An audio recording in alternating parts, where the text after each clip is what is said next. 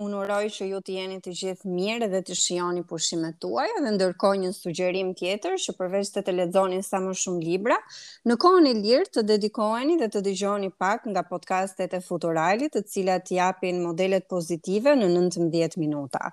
Ashtu si kundër, kemi edhe sot një një vajzë të ftuar në Futural për të folur për veten dhe karrierën e saj. Me mua sot është Eriona Saqe, e cila, të cilën unë e kam njohur si një kampione të barazisë gjinore dhe për gjithë të tjerat pastaj biseda do rrjedh natyrshëm dhe ju do ta kuptoni pse ajo është një model pozitiv. Përshëndetje Eriona. Përshëndetje Doralda. Është kënaqësi për mua që je sot me Futural edhe në podcast me ne për të diskutuar edhe për të folur për çështje që ti çdo ditë jeton edhe i transformon pozitivisht me eksperiencën dhe dëshirën tënde pozitive. Të falënderoj shumë, Doralda, kënaqësia është e gjitha imja. Ndihem vërtet e privilegjuar që sot jam në podcast në futural. Faleminderit. Unë e nisa përpara pak sekondash me me frazën që unë të njoh si kampione të barazisë gjinore. Pse Eriona është një kampione barazisë gjinore dhe si e ka pritur këtë këtë vlerësim? Ëm, um, së pari jam Um, jam ndier mirë që të kam njohur ty dhe shumë kampione të tjera të barazisë gjinore në atë um, event le të themi kam qenë edhe unë kampione e barazisë gjinore pikërisht prandaj po të fiksoj faleminderit dhe um, uh, arsyeja pse jam pse më zgjodhën kampione të barazisë gjinore të them të drejtën ka qenë surprizë edhe për mua mm -hmm. um, ditën kur më kanë marrë në telefon për të konfirmuar nëse do të merrja pjesë në eventin që do të do të organizohej për dhënien e çmimeve, kanë qenë ditët e tërmetit të 26 nëntorit dhe kam qenë në Durrës. Situata atje ishte jashtë çdo parashikimi dhe nuk ndihesha aspak e qetë për të dhënë një konfirmim Mhm. Por pas disa telefonatave të vazhdueshme nga vajza që punonte aty, uh, konfirmova një po në vrapim e sipër dhe uh, vetëm më pas, pasi situata u qetësua, arrita të të kuptoja se ok, kjo kampione e barazisë gjinore donte të thoshte diçka, se ndoshta ne që ishim përzgjedhur aty, um, me një fjalë tonën apo me një vepër tonën, ndoshta mund të bëheshim burim frymëzimi për vajza dhe gra të tjera kudo në Shqipëri. Dhe kjo pastaj më ka bërë të ndihem mirë dhe shumë e vlerësuar. Eriona, si e shikon ti uh, gjendjen e vajzave dhe grave sot, kur flasim për këto elementet kulturore, pastaj kur shohim që ka, ka shumë raste të dhunës në familje, a mendon se ka ndryshuar mentaliteti i vetë vajzave dhe grave në raport me atë që ato presin nga shoqëria? Um, duke qenë se un kontaktin e drejtpërdrejtë me shoqërinë e kam me fëmijët, un jam mësuese mm -hmm. në arsimin fillor, nga 6 deri në 10 vjeç, deri në 11 maksimumi. Mm -hmm. Un mundohem që këtë influencën time drejt pavarësisë së femrës drejt, drejt mos lejimit të dhunës, kundërshtimit të dhunës dhe edukimit që në vogëli edhe të vajzave dhe të djemve, mm -hmm. mundohem t'i kushtoj rëndësi në këtë fazë të jetës së tyre, duke synuar gjithmonë që kjo do të lërë gjurmë të thella më vonë gjatë gjithë jetës së tyre. Dhe shoh ndryshim nga brezi në brez. Domethënë, edhe pse të vegjël në moshë, unë shoh ndryshim. Uh, shikoj vajza që janë më të pavarura, më luftarake, uh, luftarake në kuptimin e mirë, jo... jo, jo, jo, dhunë. uh, madje, madje, uh, më kujtove diçka me këtë, kam bërë një eksperiment social, le të them, me nxënësit, është brezi i dytë që e zhvilloj këtë mm -hmm. eksperiment social dhe pa u thënë nxënësve, kam uh, improvizuar dhe u kam thënë që do të kemi në klasë disa të ftuar. Ëm um, ju thjesht për çdo të ftuar do të shënoni në fletë emrin. Për shembull, unë do të them që do të vijë në klasën tonë një person që shkruan shkrime në gazetë. Si mendoni ju do ta ketë emrin ky personazh? Dhe kam vënë re që nga brezi i parë që e zhvillova këtë eksperiment, te brezi i dytë pata më shumë emra vajzash, domethënë qoftë se në fillim te emrat që kishin shkruar fëmijët, se u lexuan emrat Identifikoheshin me, me burra dhe djem. Po, dhe diku, diku ndonjë vajzë, në brezin e dytë kisha më shumë emra vajzash. Kur thamë që në klasë mund të vijë një person i cili punon në kuvendin e Shqipërisë, në brezin e parë me aq sa mbaj mend nuk ka pasur asnjë emër vajze. Dhe ishin madje emra politikanësh të njohur. Mhm. Tek brezi i dytë pati ndryshime. Madje u përmendën dhe emra që nuk janë fare uh, deputet, pra emra të tjerë. Ata kjo kjo më bëri të ndihem mirë sepse Tani nxënësit Ata kanë dëgjuar, po. Mhm. Shikojnë çdo person tjetër e shikojnë si një person të aftë dhe të zotin që mund të punojë aty. E vetmja pyetje që në të dy brezat më rezultoi pa emër vajze, ishte është drejtoresha e një fabrike të prodhimit të makinave. Sigurisht, këtu, këtu është reagimi i djemve. Po. është çdo natyre. por, por, pastaj, pas pasi u nxora rezultatet, uh, u kur u kam treguar se sa femra kanë pasur rol, sa vajza kanë pasur rol edhe në këtë pjesë të industrisë, mm -hmm. aty mhm. pashë që vajzat uh, u habitën më shumë se djemtë. Djemtë ishin mosbesues, kurse vajzat u habitën, shprehën habi. Dhe madje dy prej tyre të këtij brezi të tanishëm u erdhi inat që nuk ishin vendosur emra vajzash edhe në këtë um, edhe në këtë profesion. Kështu që unë them që gjërat po ndryshojnë. Gradualisht, unë i shikoj tash në moshë shumë të vogël, por dhe sa sa mirë më vjen që e dëgjoj të të thënë nga ti, sepse aty fillon edhe kupton që uh, se si është tendenca e të rinjve edhe të rejave kur fillojnë rriten dhe kuptojnë edukimin në mënyrën e duhur. Po unë mendoj unë mendoj që është çelësi uh, i suksesit edhe i mentalitetit edhe mënyrës se si ti bën gjërat. Kështu që më thuaj, më fol pak për pasionin tënd për mësuesinë, për dëshirën që ti ke për të trajnuar mësuesit e rinj, çfarë të bën ty të ndihesh mirë edhe ndoshta a ke ti ndonjë kritikë për këtë sistemin arsimor tonin dhe ku shikon se mund të përmirësohemi? Um, më vjen mirë që e theksove fjalën pasion, Doralda, sepse um, vërtet unë jam me fat te kjo pikë, um, bëj punën që dua. Është e rëndësishme. E kam theksuar shpesh në biseda me prindër, në biseda me nxënës, ish-nxënës, me kolegë, të jesh mësues është fat. Dhe sidomos të jesh mësues i ciklit fillor, është dyfish fat. Që është edhe bukur. është shumë e bukur, sa që është përgjegjësia e madhe, aq është fati i madh. Mm -hmm. uh, Imagjino të çohesh në mëngjes dhe uh, të zgjohesh qoftë edhe një ditë dimri, ndoshta me atë përtesën për të shkuar në punë. Por ti shkon me dëshirë sepse um, aty sapo të hapësh derën e klasës, do të shikosh buzëqeshje. Do të shikosh fytyra të qeshura, do të hidhen në qafë, do të përqafojnë. Janë gjëra që um, çaste që asnjë profesion tjetër nuk i dhuron. Jo se jo se është dëshira e njeriut për të përqafuar, po mjafton të shikosh fytyrat e tyre të qeshura. Sidomos në klasë të parë kur u mungojnë dhe dhëmbët. është është shumë e bukur. Ty të ikën gjithë lodhja, të ikën gjithë mërzitja. Dhe fillon dhe mendon se si t'ua bësh ditën sa më të bukur. Mirëpo duke bërë ditën e tyre të bukur, ti bën ditën tënde të bukur. Mm -hmm, Kjo është e veçanta e profesionit tonë. Dhe këtë ua theksoj edhe mësueseve të reja, uh, sepse për profesionin që kam um, jam më shumë se 20 vjet mësuese e arsimit fillor, po jam njëkohësisht koordinatore akademike uh, koordinatore akademike e këtij cikli në Kolegjin Turgut Ozal dhe um, një nga detyrat që kam si koordinator është edhe trajnimi i mësuesve të rinj. Dhe në ato trajnimet që bëjmë në çdo të shtunë, um, pasi i lëmë mësuesit vetë të shprehen, theksojmë edhe nga ana jonë si koordinator, pasi jemi dy, mm -hmm. se çfarë, um, çfarë gabimesh kemi bërë ne, në mënyrë që të mos t'i bëjnë ato, është shumë e rëndësishme që mësuesit të ndajnë me njëri tjetrin dhe të theksojnë. Cili është gabimi që shpesh mësuesit bëjnë, nëse ti mund të na i thuash? Hmm.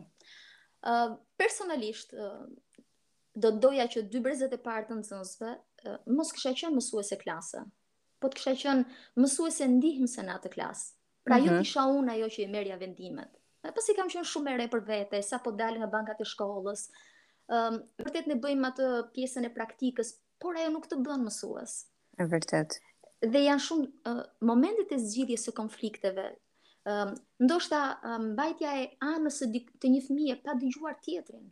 të cilat më vonë kur të kalojnë vite fillon të kuptosh që uh, ke gabuar në qëndrim. Po, ke gabuar në qëndrim, ke gabuar, uh, ke marrë disa gjëra për personale. Ndërkohë mësuesve u theksojmë në mënyrë të vazhdueshme, asgjë e fëmijëve nuk duhet marrë për personale. Në qoftë se ta kthen fjalën një fëmijë, dije se ai fëmijë në një farë mënyre Po kërkon vëmendjen tënde.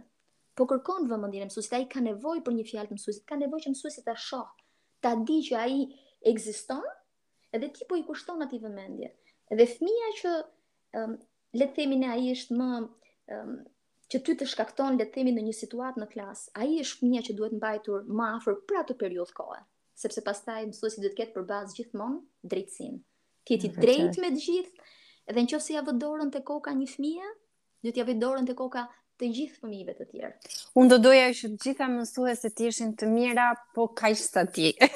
O, shumë. Unë do isha shumë e lumtur nëse prindërit e e nxënësve të tu do ta dëgjonin podcastin edhe do kuptonin se sa me dashuri flet ti për ata, për të kuptuar pastaj edhe se sa me dashuri ti i mëson edhe përkujdesesh edhe mbush ditën edhe um, jetesën e tyre. Domethënë unë do isha shumë e lumtur realisht nëse do do, do mund ta ndanim edhe me prindërit e tyre.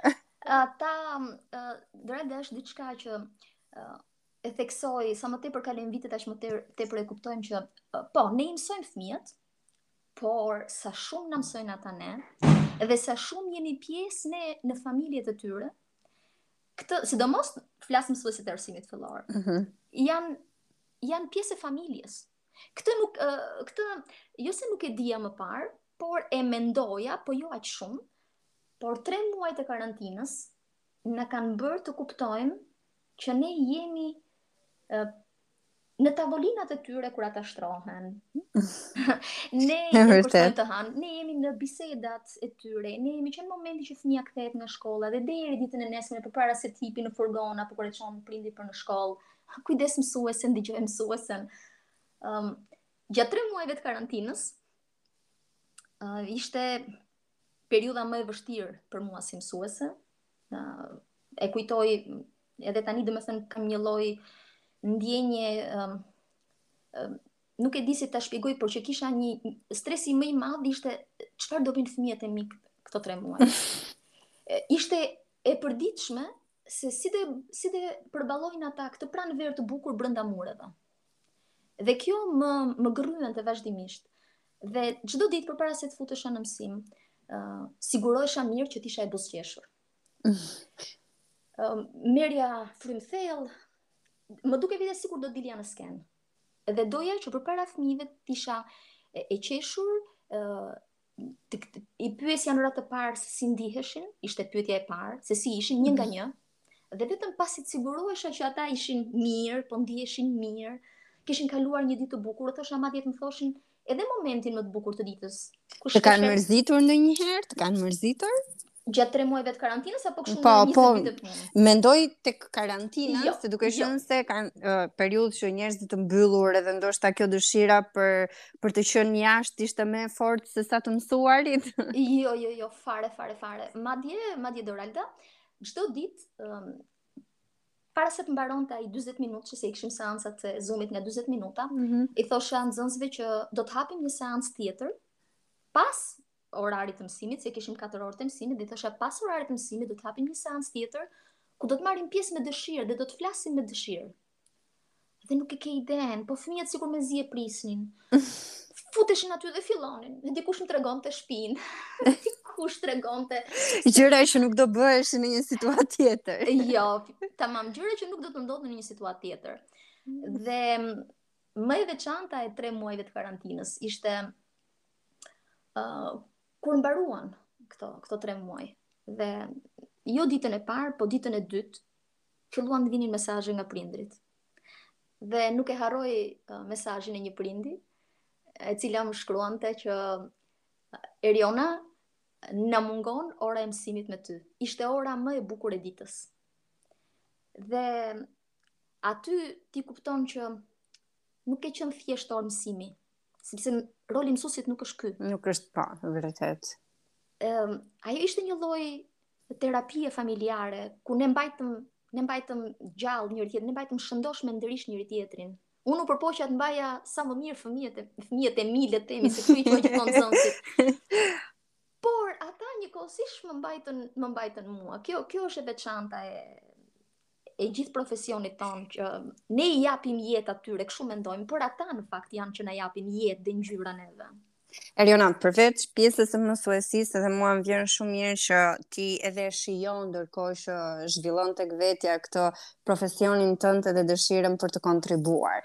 Po unë di që ti merresh edhe me shoqërinë civile, je e përfshirë në në nisma të ndryshme dhe unë do doja që ti të na i përmendje disa nga grupimet që ti bën pjesë edhe uh, ndihesh apo nuk ndihesh mirë kur ti bëhesh pjesë e tyre.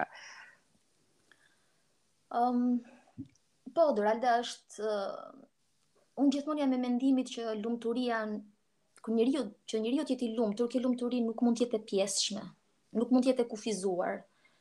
Unë nuk mund të jem e lumtur brenda shtëpisë sime dhe në apartamentin përballë apo në apartamentin poshtë të jetë një familje që vuan.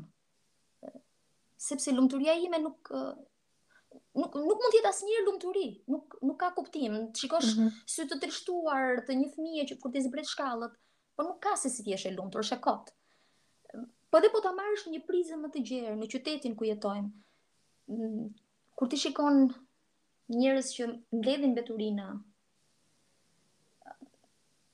ajo lumturia jote coptohet. Edhe ti e ndjen që të vjen së brendshmi, se po s'të erdhi së brendshmi është e vërtetë. Ë, ti e ndjen që mund të japësh kontributin tënd sado të vogël. Me gjëra të vogla, por që prap kanë vlerën e tyre dhe kanë peshën e tyre. Ë, jam aktivizuar prej gati 6 vitesh me Fundjavë Ndryshe. Ë, kam parë familje që jetojnë në mjerim, mjerim të plot. Um, madje një nga, një nga momentet që s'kam për ta harruar ishte kur bashkë me Fundjavë Ndryshe u organizua një, uh, Fundjavë Ndryshe organizoi një aksion shumë të madh për mbledhje çantash, për fillimin e vitit të ri shkollor dhe përsëri tek mësuesia. Po, është nuk më bash do të është është pjesë është është bërë pjesë e imja. E kuptoj. Dhe shkuam të shpërndanim çanta në disa fshatra të thella të Tiranës. Dhe ishin çanta prej cope të reja, të reja dhe kur pashë që kishte fëmijë që kishin ecur deri në 10 km për të marrë një çantë, aty nuk e di, um, jam ndier, trishtimi ka qënë shumë i madh.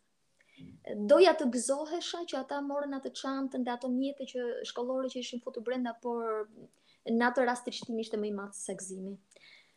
Dhe raste të tilla kemi pasur me Fundjavën ndryshe. Um, Bashkë me Fundjavë Ndryshe kemi jam, jam aktivizuar edhe me Shqipëria që duam. Mhm. Mm me të cilën zhvillonim um, aksione për pastrimin e e qytetit në zona të ndryshme të Tiranës. Um, jam ndier shumë mirë sepse jo vetëm e ndjen që jep kontributin tënd, bën diçka, uh, rri me të rinjtë, um, shikon se si um, të rinjtë përqaf, i përqafojnë këto nisma që janë shumë të vlefshme dhe, dhe njëkohësisht ndihesh mirë që ti je pjesë e tyre. Uh, e fundit nga, nga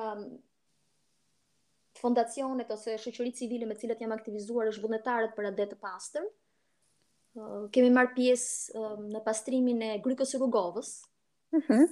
Ishte një aktivitet në si, si të duket, si të duket marrëdhënia e shqiptarëve me këtë pjesën e vullnetarizmit, Liona? Domethënë jemi ne më të hapur edhe më bashkëpunuese kur bëhet fjalë për nisma që janë vullnetare? Jemi, kjo është kjo është shumë individuale pastaj Doralda. Doralda nuk mund të themi që jemi të gjithë apo nuk jemi asnjë. Është shumë individuale, por po merr unë them që po shtrihet dhe po merr përmasa dhe të rinjtë po organizohen, domethënë po i bashkohen këtyre nismave.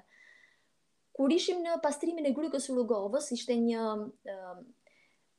le të themi merrnin pjesë vullnetare edhe nga trojet shqiptare brenda Shqipërisë, edhe nga trojet shqiptare të Kosovës. Ëh. Mm -hmm. Dhe ishte një bashkëpunim i shkëlqyer, mbresëlënës, ëh, um, njerëzit që ndalonin makinat, edhe njerëzit që udhëtonin për te Gryka e Rugovës, jo thjesht ata që ishin vullnetarë, ndalonin, uh, kush na jepte një bidon me ujë për të freskuar, mm. dikush tjetër hapte një qese me fruta që kishte marrë. Domethënë janë momente që të lënë vërtet mbresë, të lënë shijen e mirë dhe të lënë mbresë nuk nuk harrohen. Ti shikon se njerëzit janë um, pastaj habiteshin kur na pyesin prej nga vini, dhe thoshim nga Tirana. Aty pastaj ishte gëzimi i tyre shumë i madh, kishte nga ata që ishin në moshë dhe mbushnin syt me lot.